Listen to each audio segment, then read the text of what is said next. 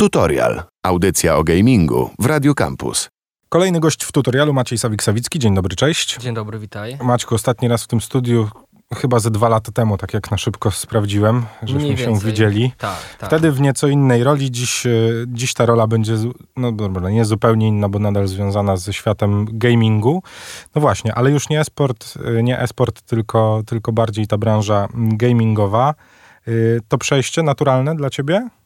Myślę, że to naturalna konsekwencja rozwoju jakichś produktów, nad którymi e, pracuję. E, Devil's One, o którym rozmawialiśmy dwa lata temu, ma się dobrze nadal, ale zazwyczaj projekty mnie interesują na trochę wcześniejszej fazie rozwoju niż późniejszej, więc e, organizacja sportowa działa z troszkę mniejszym moim udziałem, a taki projekt bardziej technologiczny, rozrywkowy, e, InStreamly, to jest to, co zajmuje teraz najwięcej mojego czasu. A Ty masz taką korbę właśnie na rozkręcanie nowych rzeczy? W sensie, Myślę, że to- wolę rozkręcać e, do takiego poziomu kilkudziesięciu osób, a później zostawiać, aniżeli pracować na tym późniejszym etapie, bo to trochę inne konsekwencje, kompetencje, konsekwencje siłą rzeczy też na życie niesie e, i jakoś się czuję bardziej sprawczy w takiej fazie dynamicznego rozwoju. Musimy zacząć w ogóle od takiej małej garści statystyk. W 2020 roku ponad 14 milionów streamerów wyprodukowało ponad 650 milionów godzin treści. I to tylko zliczając te takie duże zachodnie platformy. My e, przy ostatniej naszej rozmowie nieco zahaczyliśmy też o temat Tak. streamów, bo ty bardzo mocno wtedy się tym e, się w to wgryzałeś i też mówiłeś, że, że ten streaming będzie bardzo mocny. No i chyba możemy powiedzieć, że ani o krzta się nie pomyliłeś. Na pewno nam ten- pomogła w tych e, przewidywaniach wspólnych, studyjnych pandemia, bo pewnie tych streamerów by nie było aż tyle, streamerów, czyli ludzi nadających na żywo, gdyby nie to, że po prostu siedzieli w domu i było zapotrzebowanie na wszelkiego rodzaju content. Musimy chyba nieco wyjaśnić też, Tak. bo, bo zapewne jest e, spore grono naszych słuchaczy, którzy są ludźmi, no właśnie, w naszym wieku, Jasne. a streaming, no właśnie, to już jest domena ludzi nieco młodszych. Znaczy, no nie do końca, nie? Jeśli Bo- chodzi o odbiorców, e, to raczej tak. Jeśli chodzi o profesjonalnych nadawców, czyli tych streamerów, którzy nadają na żywo i zarabiają na tym, no oni zazwyczaj mają po ponad 18 lat. 18-24 to jest taki przedział wiekowy większości ludzi profesjonalnie zarabiających na tym. Czyli ja już bym się nie załapał. No mógłbyś się załapać awangardowo trochę, ale nic nie stoi na przeszkodzie. A profil takiego typowego odbiorcy streamów? Młodsi niż e, nadawcy, częściej nadal chłopcy niż e, dziewczynki około em, 16-17 lat, ale też młodsi, też starsi. Zazwyczaj są to osoby bardzo świadome cyfrowo, mające jakiś związek z gamingiem, ale już nie zawsze, bo coraz więcej jest też treści streamowanych niezwiązanych bezpośrednio z grami komputerowymi. Mówimy globalnie. Globalnie, raczej te dane są e, uniwersalne. Polska tam troszkę się różni, ale to są jakieś odchyły.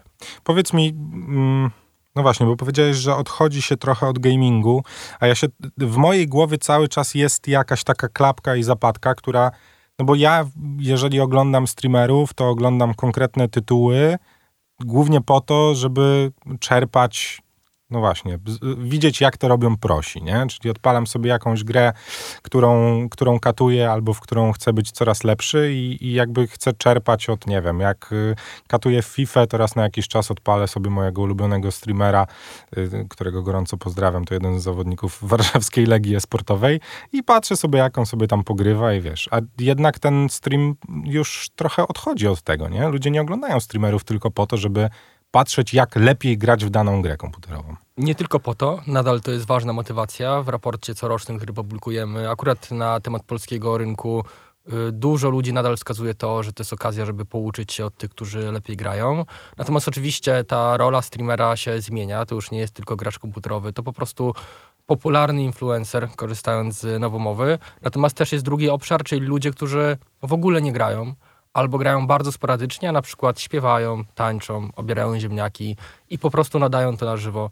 Wydaje mi się, że to jest e, najciekawszy obszar tego zjawiska, który teraz podlega takiemu e, dynamicznemu, dynamicznej zmianie, bo parę lat temu było nadal nie do pomyślenia, żeby streaming był popularny bez tego kontekstu gier. A teraz coraz częściej streamer jest popularny po prostu dlatego, że nadaje to, co robi na żywo. Słuchaj, no kiedyś nie do pomyślenia było to, że streamer grający w daną grę nie jest prosem, nie? Tak, na pewno, na pewno. To jest e, ciekawe porównanie, gdybyśmy sobie wyobrazili, że popularniejszy od Leo Messiego czy od e, Roberta Lewandowskiego może być piłkarz, który nie najlepiej gra. Piasta Gliwice na, Na przykład, przykład, nie? ale z jakiegoś powodu, bo ma piękny uśmiech albo jest wygadany, więcej ludzi chce go oglądać niż profesjonalistę. To jest zaskakujące, no ale mm, chyba też e, na swój sposób magiczne w tym sensie, że jakąś taką tożsamość własną w ten sposób e, ten świat cyfrowy, gaming e, wytworzył. Charyzma przebija skill w tym momencie? To jest bardzo dobre pytanie, co przebija skill. Na pewno wiele czynników przebija skill, być może wspólnie występujących. Charyzma wydaje się nieodzowna, ale nie zawsze. Są osoby, o których byśmy absolutnie nie powiedzieli w takich e, stereotypowych ramach, że to jest charyzma, a jednak ludzie chcą ich słuchać. Czasami to jest pomieszanie jakichś umiejętności w grze komputerowej z poczuciem humoru, czasami to jest po prostu kwestia tego, że ktoś dużo nadaje i z jakiegoś powodu jak ktoś się przyzwyczai, to po prostu jest ta ciągłość, nie chcesz zmieniać swojego ulubionego streamera. Myślę, że charyzma to jest e, ważny element, ale nie jedyny. To jest splot wielu kwestii. A może być tak, że to już tak jak przyzwyczajenie do kanałów telewizji? Na pewno, Myślę, na pewno. wiesz, tam odpalam mój ulubiony kanał informacyjny i jak widzę, że mój ulubiony streamer streamuje, to robię klik oglądaj. Na pewno, tym bardziej, że w dużej mierze ludzie, którzy oglądają streamy, robią to nie tylko ze względu na twórcę, który tworzy przekaz, ale także na community, czyli taką małą społeczność, która jest dookoła. Po pewnym czasie, gdy już zagościsz na kanale, szczególnie nie największego twórcy, ale małego, średniego, no to masz tam swoich kolegów, masz tematy, które się przewijają, więc absolutnie obserwujemy takie zjawisko, że ludzie konsumują e, przez bardzo długi czas te same kanały. 5-7 ulubionych kanałów, czasami mniej, bo też trudno jest śledzić aż tyle kanałów i raczej nie przeskakują po tych streamach, wbrew temu, co mogłoby się wydawać. No tak, ja jako pan w średnim wieku też już mogę powiedzieć, że no mam swoich ulubionych chyba trzech czy czterech streamerów, których obserwuję, nowych, no właśnie, albo oni do mnie nie docierają, albo ja sam chyba ich nie Jasne. szukam, nie? To to też jest w ogóle problem platform, Twitcha, szczególnie YouTube'a, że bardzo trudno tym młodszym, nowym twórcom dobić się do miejsca, gdzie będzie się wyeksponowanym. To oczywiście wydaje się, że live streaming e, jest e, realizacją takiego marzenia o tym, że ci mniejsi twórcy mają łatwość dotarcia do, do widzów, ale to jest fikcja. Mimo tego, że jest dostęp do e, narzędzi, do technologii, to w dalszym ciągu bardzo trudno się przebić przez taki próg kilkunastu widzów i wbrew pozorom platformy nie wspierają w tym obszarze twórców. Dla nich to jest obojętne, czy dla nich się liczy, żeby było co oglądać, a niekoniecznie, żeby demokratycznie porówno promować wszystkich. powiedzieliśmy i zarysowaliśmy nieco to, jak ten streaming wygląda w tym momencie. Y, Powiedz mi, bo musimy pogadać trochę o biznesie, zaraz przejdziemy do, do twojego biznesu, ale powinniśmy też wytłumaczyć pokrótce, jak ci twórcy są w stanie się monetyzować, w sensie Mhm. co jest, jakie są ich motywy, nie? No bo wiadomo, mamy streamerów, którzy robią to tylko dla zajawy, Jasne. ale jest też bardzo duża grupa streamerów, którzy po prostu jest to ich, wiesz, no, Tak. lifetime job. W Polsce to jest kilkaset osób, które streamują między 6 a 12 godzin dziennie, codziennie. I jest y, dosyć duża grupa osób aspirujących, więc y, to robi się poważna grupa zawodowa. To, w jaki sposób ci streamerzy zarabiają, różni się zależnie od tego, jakiej oni są wielkości. Różne narzędzia są dla streamera pokroju Izaka, którego śledzi kilkaset czy kilka tysięcy osób, a inne dla Janka, którego śledzi 50 osób. No dodajmy też, że za Izakiem stoi armia ludzi, która pomaga mu w monetyzowaniu jego samego, jego streamów i jego filmików na YouTubie. No to, Tak. to, to jest człowiek, człowiek instytucja, nie? Tak, który jednocześnie zasłużył sobie na to w tym sensie, że jednak e, przeszedł tą drogę od e, zera do milionera i tutaj trzeba zaznaczyć, że esport gaming streaming daje takie możliwości. To jest na pewno ważne, że nie musisz mieć wujka w telewizji. E, natomiast e, no już wujek na platformie streamingowej by pomógł, e, bo chociażby mógłby zadbać o lepszą ekspozycję na portalu. Lepsza ekspozycja to więcej widzów. No i kwestia widzów to jest kluczowa kwestia w e, temacie tego, ile się zarabia. Po pierwsze zarabiasz na reklamach na platformie. Jest z tym aktualnie bardzo duży problem, który Twitch, YouTube próbuje rozwiązać, ale nie do końca nadąża za trendami. Jak się okazuje, stworzenie formatu reklamowego atrakcyjnego dla pokolenia Z, czyli dla tych ludzi urodzonych po 95 roku życia, którzy oglądają streamy, to nie jest taka łatwa sprawa. Z drugiej strony, chyba najbardziej interesujące źródło dochodów dla streamerów to są donaty, czyli ty jako widz decydujesz się wspierać e, swojego, swojego ulubionego twórcę i tutaj zarobki mogą być porównywalne do tych, które dostajesz z platformy. Oczywiście bardzo ważna jest siła community. Im bliżej jesteście ze swoją widownią, im oni bardziej rozumieją, że ty tworzysz dla nich, tym bardziej chcą cię wspierać, ale to jest naprawdę fascynujące, jak e, chętnie community przeznacza swoje pieniądze na twórcę, który może nie ma jeszcze wielkiego zasięgu i tym samym nie ma wielu kontraktów reklamowych, ale gdzieś tam mm, community chce go wspierać. Trzeci obszar to są kontrakty sponsorskie. Jest przyjęte, że streamerzy są finansowani, sponsorowani przez y, brandy i to różne, nie tylko te endemiczne, czyli pochodzące ze świata gier komputerowych, ale takie jak e, nie wymieniając, dowolna marka, coraz częściej takie mainstreamowe marki współpracują. Czy od napoi przez ciuchy, aż Wszystko. wszystko, aż po marki samochodów. też. Dokładnie. W tym momencie jest z tym duży problem, bo bardzo ciężko jest marką współpracować z małymi streamerami, dlatego do tego źródła monetyzacji dostęp ma, no szacujemy poniżej 1% streamerów. Takie najbardziej ekstremalne dane mówią, że to jest poniżej 1,1%. Trochę zależy na, od, od tego, jak patrzysz na takie współprace. No niemniej jednak e, możemy przyjąć, że naprawdę niewielki odsetek streamerów ma dostęp do bezpośredniej współpracy ze sponsorami.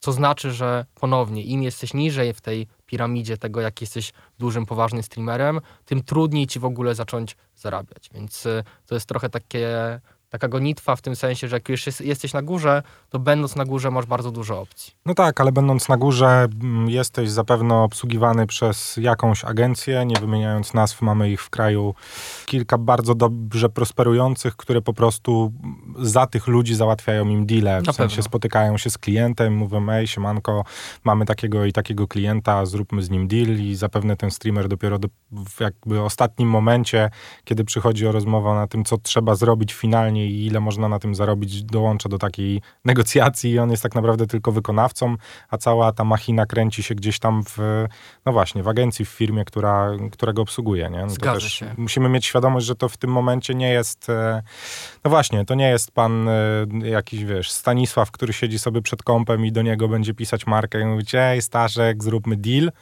tylko po prostu jest to styk business to business, który załatwia, załatwia deale.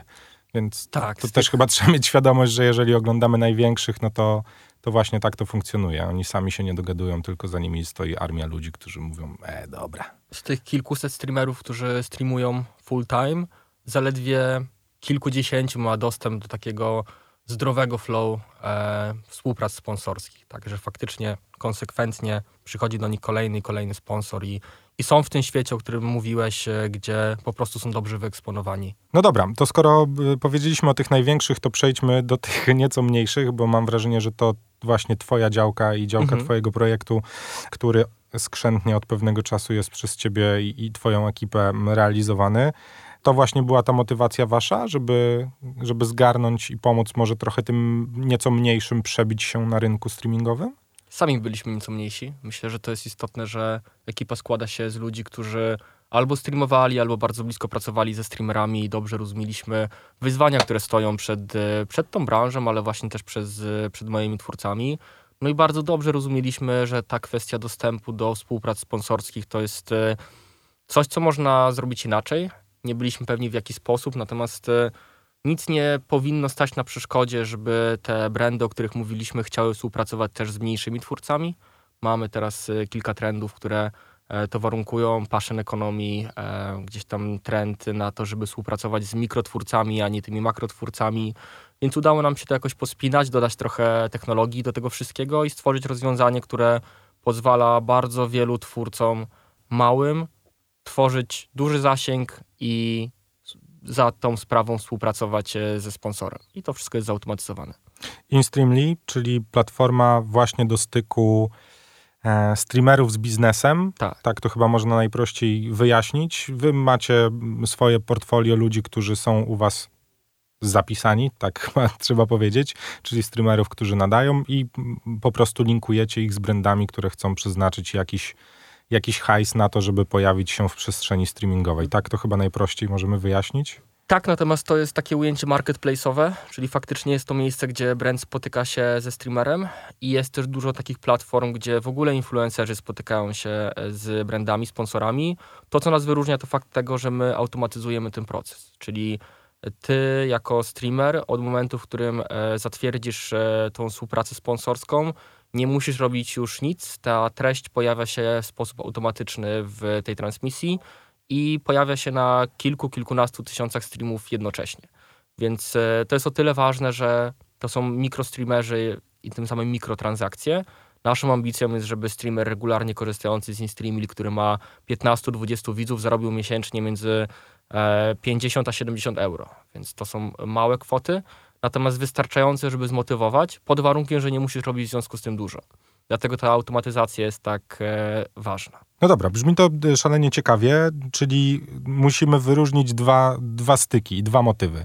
Pierwszy to ten, kiedy ja chcę zostać streamerem, albo streamer do was przychodzi i no właśnie, on tylko i wyłącznie dostaje od was narzędzie, dzięki któremu w jakiś sposób monetyzuje swoją transmisję, tak, tak to trzeba powiedzieć, ale czy on ma jakiś wpływ na treści, które które są dostarczane do jego widzów, no bo to też jest zawsze ten, tak, tak. Mm, ten motyw, który, który mi, jak myślę o streamingu, gdzieś tam lampka się w głowie świeci, że ja będąc streamerem, no właśnie, growym, chyba trochę bym obawiał się tego, żeby no właśnie, reklamować pewne treści. Czy Jasne. to ze względów, wiesz, ideologicznych, że nie wiem, no Oczywiście. jestem wege, wegetarianinem, nie chciałbym, żeby reklamował się u mnie fast food. No, czy, czy, taka opcja też istnieje dla tych streamerów, żeby oni mogli sobie jakoś nakierunkować to, co się będzie u nich wyświetlało? Oczywiście. Marketplace działa w ten sposób, że brandy, sponsorzy składają propozycje streamerom, czyli na przykład marka X składa propozycję streamerom na to, że przez określony czas będzie wyświetlać się określony komunikat. No i streamer e, podejmuje decyzję własną, swoją, czy on chce współpracować z tym brandem, czy nie chce. E, I absolutnie jest to po jego stronie. To nie jest tak, że my kogokolwiek do czegokolwiek zmuszamy. My lubimy mówić o sobie jako o takim e, towarzyszu streamera, dajemy pewną możliwość, natomiast nie należy tego postrzegać jako pewien model agencyjny, że mamy swoich streamerów, że oni są do czegoś zobligowani. My udostępniamy im technologię. I do czego tę technologię wykorzystają, czy do tego, żeby pracować ze sponsorem X czy Y, e, to jest już wtórne. A z drugiej strony umożliwiamy sponsorom wyświetlanie swoich treści, tym samym współpracę nie z jednym czy pięcioma dużymi streamerami, a na przykład z dwoma tysiącami streamerów w jednej kampanii. No i to się przekłada na to, że to community wokół małego streamera jest po prostu wdzięczne, że jakaś marka wspiera ich twórcę. 70% e, widzów e, kanałów live streamingowych postrzega reklamę jako coś pozytywnego, bo rozumie, że to wspiera ich ulubionego twórcę. W żadnym innym kanale tak to nie wygląda. To swoisty ewenement. Wydawało nam się zawsze, że z każdym kolejnym pokoleniem ta niechęć do reklamy będzie tylko większa, a okazuje się, że na przykład w pokoleniu Z, które lepiej rozumie, jak wygląda przepływ pieniędzy, że jak są pieniądze, to jest content, to odpowiednio skrojona reklama, ona spotyka się z dobrym przyjęciem. Oczywiście, jeśli to jest durny prerol, który, wiesz, reklamuje się w sposób zupełnie nieadekwatny jakiś produkt, który nikogo nie interesuje, no to nie ma tego entuzjazmu. Ale jeśli to jest dobrze uszyte, to, to pokolenie Z jest wyrozumiałe, o dziwo. No tak, a jeszcze jak dochodzi do tego marka premium i on zobaczy, że u jego streamera reklamuje Dokładnie. się marka z topu, topów, topów, tak. no to i tak ten, ten wydźwięk jest zupełnie inny. Drugą sprawą jest e, ten motyw właśnie biznesowy, czyli czy firma przychodząca do was ma pełnię kontroli nad tym, gdzie się będzie pojawiać i czy wy w ogóle macie kontrolę nad tym, jakie treści prezentowane są przez streamerów, no bo ja dotarłem do tego, że ponad 15 tysięcy osób już u was jest tak, tak. wkręconych. Mamy 15 tysięcy aktywnych użytkowników, więc już trochę. Zaczynaliśmy niespełna E, półtora roku temu. W dużej mierze to nie są Polacy, bo to jest tylko jeden z naszych rynków Polska. Polska, Czechy, Słowacja, Niemcy, Hiszpania, Francja, Turcja. Tak, tam sobie już działamy z różnym skutkiem, ale faktycznie są to e, państwa, w których realizowane są kampanie. Oczywiście ta kwestia kontroli w live streamingu jest e, ciekawym tematem, dlatego że siłą rzeczy no, nie skontrolujesz treści, która powstaje na żywo.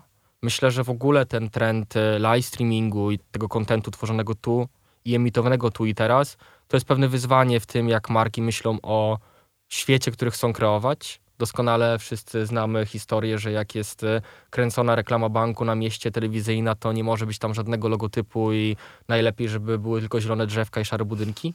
I to pokazuje pewną perspektywę tych marek na to, jak chciałyby kształtować rzeczywistość.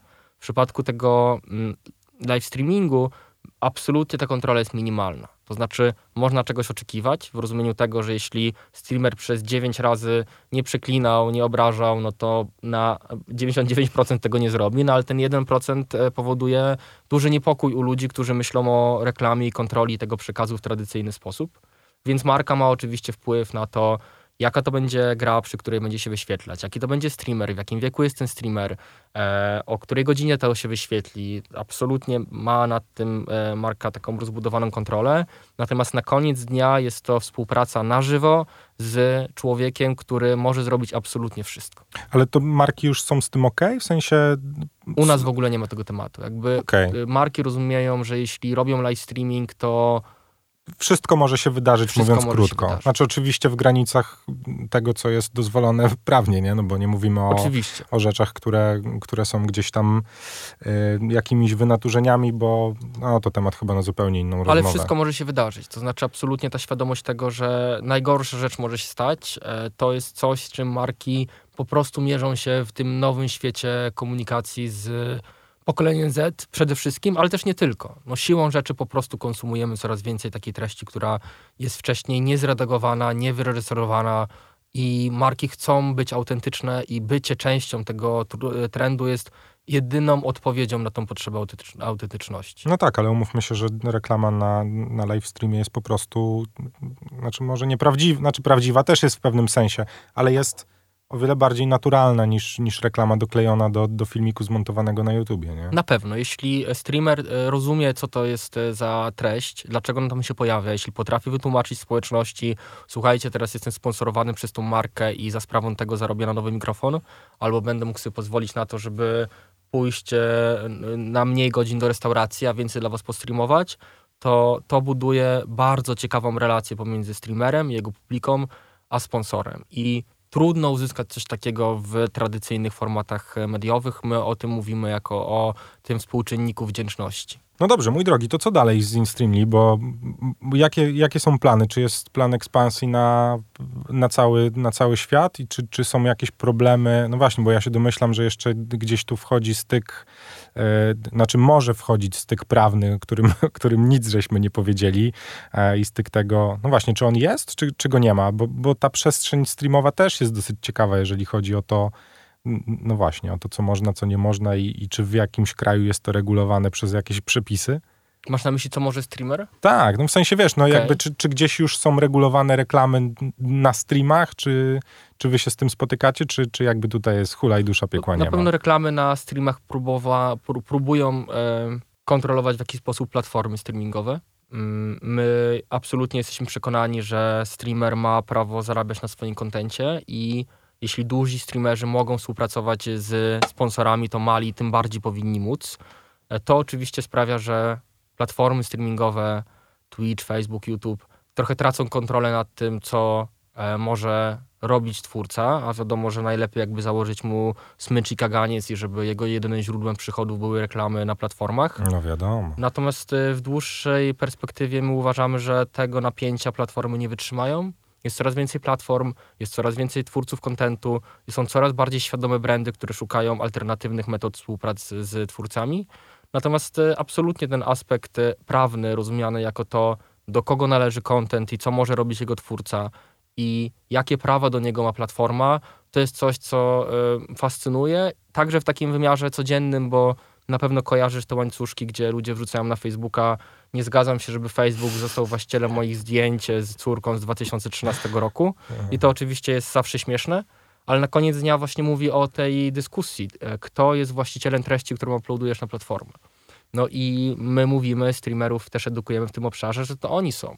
Nie można pozwolić na to, żeby grupka ludzi e, harwestowała na twojej ciężkiej pracy, właściwie ci za to adekwatnie nie płacąc. Jeszcze mówiąc, że masz tutaj niewolnicze wynagrodzenie, bo my często mówimy o niewolniczym wynagrodzeniu e, z tych pieniędzy, które przychodzą z platform, a jednocześnie platforma mówi nie możesz nic, nie możesz z nikim, więc e, to jest bardzo niedobre, ale wydaje mi się, że ten szeroki trend passion ekonomii, czyli tego, że właśnie normalni ludzie zarabiają na tym, co kochają robić, że są mikrotwórcami, spowoduje, że to będzie się balansować Ale oczywiście może być też inaczej. Może się live streaming zamknąć e, trochę tak jak e, VOD, jest tylko YouTube. YouTube e, decyduje o wszystkim, o, o stawkach i tak dalej. Nie życzę sobie ani nikomu, żeby to się stało.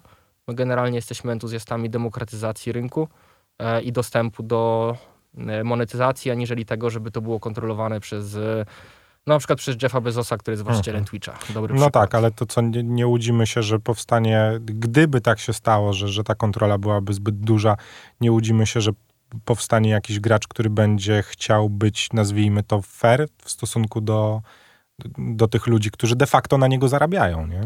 Wydaje się, że każda y, nowa platforma stara się być fair, ale na ten moment jedna platforma ma ponad 75% rynku. No tak. I jeśli jest e, podmiot, który agreguje tyle kontentu i tylu twórców, a jednocześnie ten podmiot ma długą historię bycia agresywnym w relacji nie tylko z konkurentami, ale także z dostawcami na przykład, a z perspektywy właściciela Twitcha, czyli Amazona, no, twórca kontentu jest takim samym dostawcą jak ten, kto produkuje dla nich e, wiesz, towary, które no oni tak. później sprzedają, e, to absolutnie nie jest im po drodze z takim myśleniem, ok, będziemy szukać ugodowych rozwiązań, ale... No bo jak ci się nie podoba, to sobie idź gdzie indziej, bo tak. nigdzie nie będzie ci tak dobrze jak u nas. No. Tak i co nie jest prawdą, bo są konkurenci w postaci gigantów, czyli Facebook, YouTube, bardzo, bardzo starają się ten rynek zdobywać. No tak, a Facebook też miał taką politykę bardzo mocnego wciągania i bardzo. przeciągania na swoją stronę Na koniec dnia streamerów. Ja chyba nie, nie mogę o tym mówić o jednej z moich rozmów z jednym ze streamerów, który mi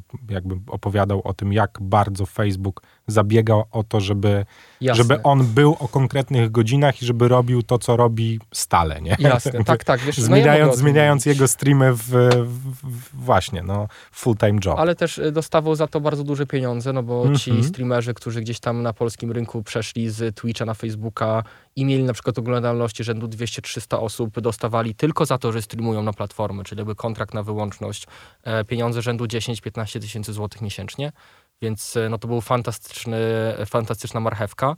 Natomiast e, Facebook nie udźwignął tego pod kątem architektury serwisu. No, narzędzie pewnego... samo w sobie jest delikatnie mówiąc tak. upośledzone. No. no. i to super pokazało. Podobnie zresztą jak to, gdy Mixer e, zakontraktował e, no, Ninja i, i, i, przez pewien czas Ninja był na tym serwisie, czyli najpopularniejszy twórca na, na, na świecie. No ale to nie spowodowało, że wszyscy ci ludzie, jego fani przeszli na nową platformę. Więc w ogóle ta mm, kwestia migracji y, widzów za streamerem i przez to tego, co w rzeczywistości jest wartością platformy, no jest pasjonująca. My to obserwujemy, zastanawiamy się nad tym i to w najbliższym czasie będzie się mocno zmieniać. Więc y, pytając się, odpowiadając na Twoje pytanie, co z InStreamly, no chcemy odegrać dużą rolę na tym rynku, y, gdzie różne siły na siebie nacierają i mają różne tezy. My mamy tę tezę, że mikrostreamerzy mają być e, niezależni od platformy. Ułatwiamy to. E, pomagamy tym streamerom we własnym zakresie decydować o to, z kim i na jakich zasadach będą pracować. No i mamy takie ogromne przekonanie w zespole, że to jest siła, której nie da się zatrzymać, że jest to rodzaj rewolucji e, na rynku live streamingowym, ale też szeroko na rynku kontentu i dystrybucji kontentu.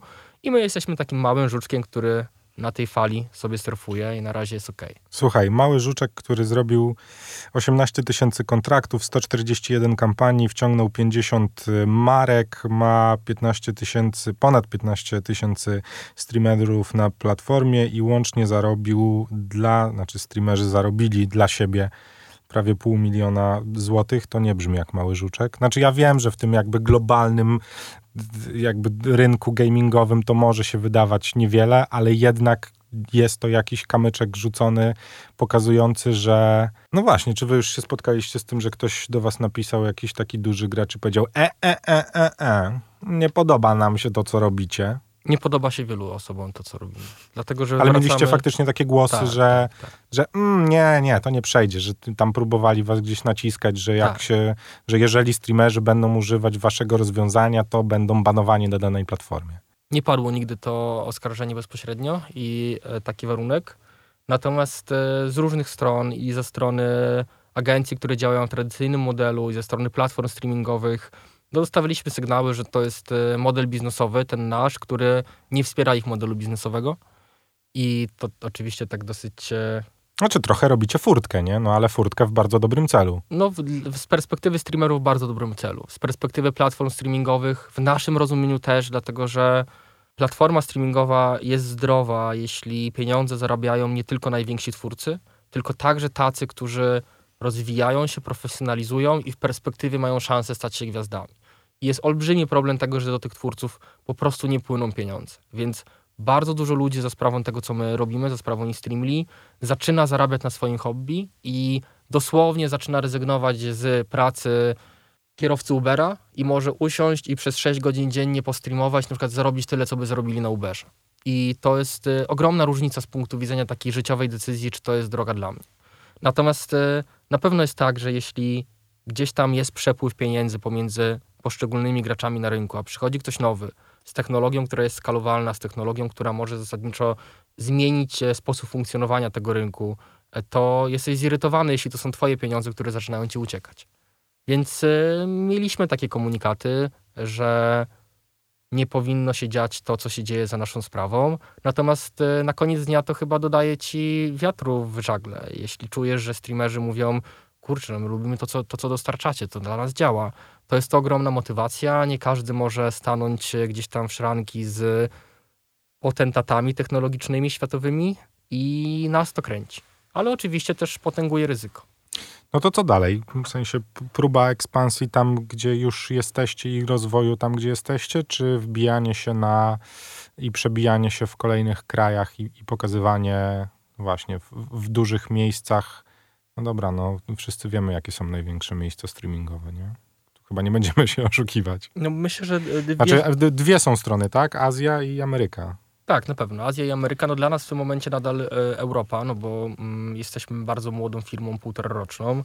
Zamknęliśmy teraz kolejną rundę finansowania i te środki pozyskaliśmy od funduszy brytyjskich i japońskich na to, żeby no właśnie robić ekspansję. Powinniśmy umocnić swoją pozycję w Europie. To jest bardzo ważne, żeby faktycznie myśleć o tych rynkach e, trudnych z perspektywy firm europejskich, czyli azjatyckim, amerykańskim, w momencie, gdy będziemy tutaj naprawdę bezpieczni. E, mamy inwestora z Japonii i e, wspólnie z nim pracujemy nad rynkiem azjatyckim, który chociażby ze względu na uwarunkowania kulturowe jest trudny do zrozumienia dla firm europejskich. Hmm. Sposób, w jaki funkcjonują streamerzy, ich motywacje, to jest jednak inne aniżeli tutaj, więc fajnie mieć partnera, który pomaga ci to zrozumieć. No a Stany Zjednoczone siłą rzeczy dla firmy, która jest startupem, i która finalnie gdzieś tam gra w długim terminie na to, żeby sprzedać się do do jakiegoś dużego gracza za sensowne pieniądze, no to Stany Zjednoczone są tym parkietem, gdzie chcesz się pokazać i musisz się pokazać. No ale wiadomo, że wejście tam ze względu na przeróżne uwarunkowania e, jest po prostu trudne dla, dla mojego podmiotu z centralnej Europy. No dobrze, to wiemy, wiemy jakie są plany. Czy, czy ten plan japońsko-ekspansyjny to jest, e, to jest motyw, że spotkamy się za dwa lata, czy bardziej spotkamy się jeszcze w tym roku? Nie możemy o tym o mówić? Słuchaj, wydaje mi się, że to jest y, na tu i teraz. To, co jest pięknego w startupach i w takich rozwiązaniach technologicznych, które mają potencjał do bardzo szybkiego skalowania, czyli wzrostu. Piękne jest to, że właściwie w pół roku jesteś w stanie zrobić y, bardzo, bardzo dużo i szybko zweryfikować to, czy twoje założenia mają sens, czy nie. Więc y, zazwyczaj są dwie opcje w tego typu rozwiązaniach technologicznych. Albo się nie uda i dowiesz się o tym szybko, albo się uda i dowiesz się o tym szybko. My na razie dowiedzieliśmy się dosyć szybko, że jest potencjał, że w niektórych miejscach to działa i myślę, że równie szybko będziemy się dowiadywać, czy globalnie to może e, działać tak dobrze, jak tu w Europie.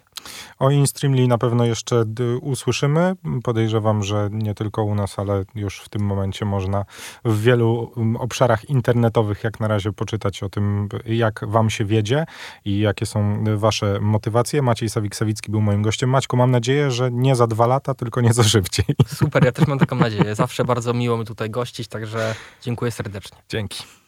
Tutorial. Audycja dla graczy.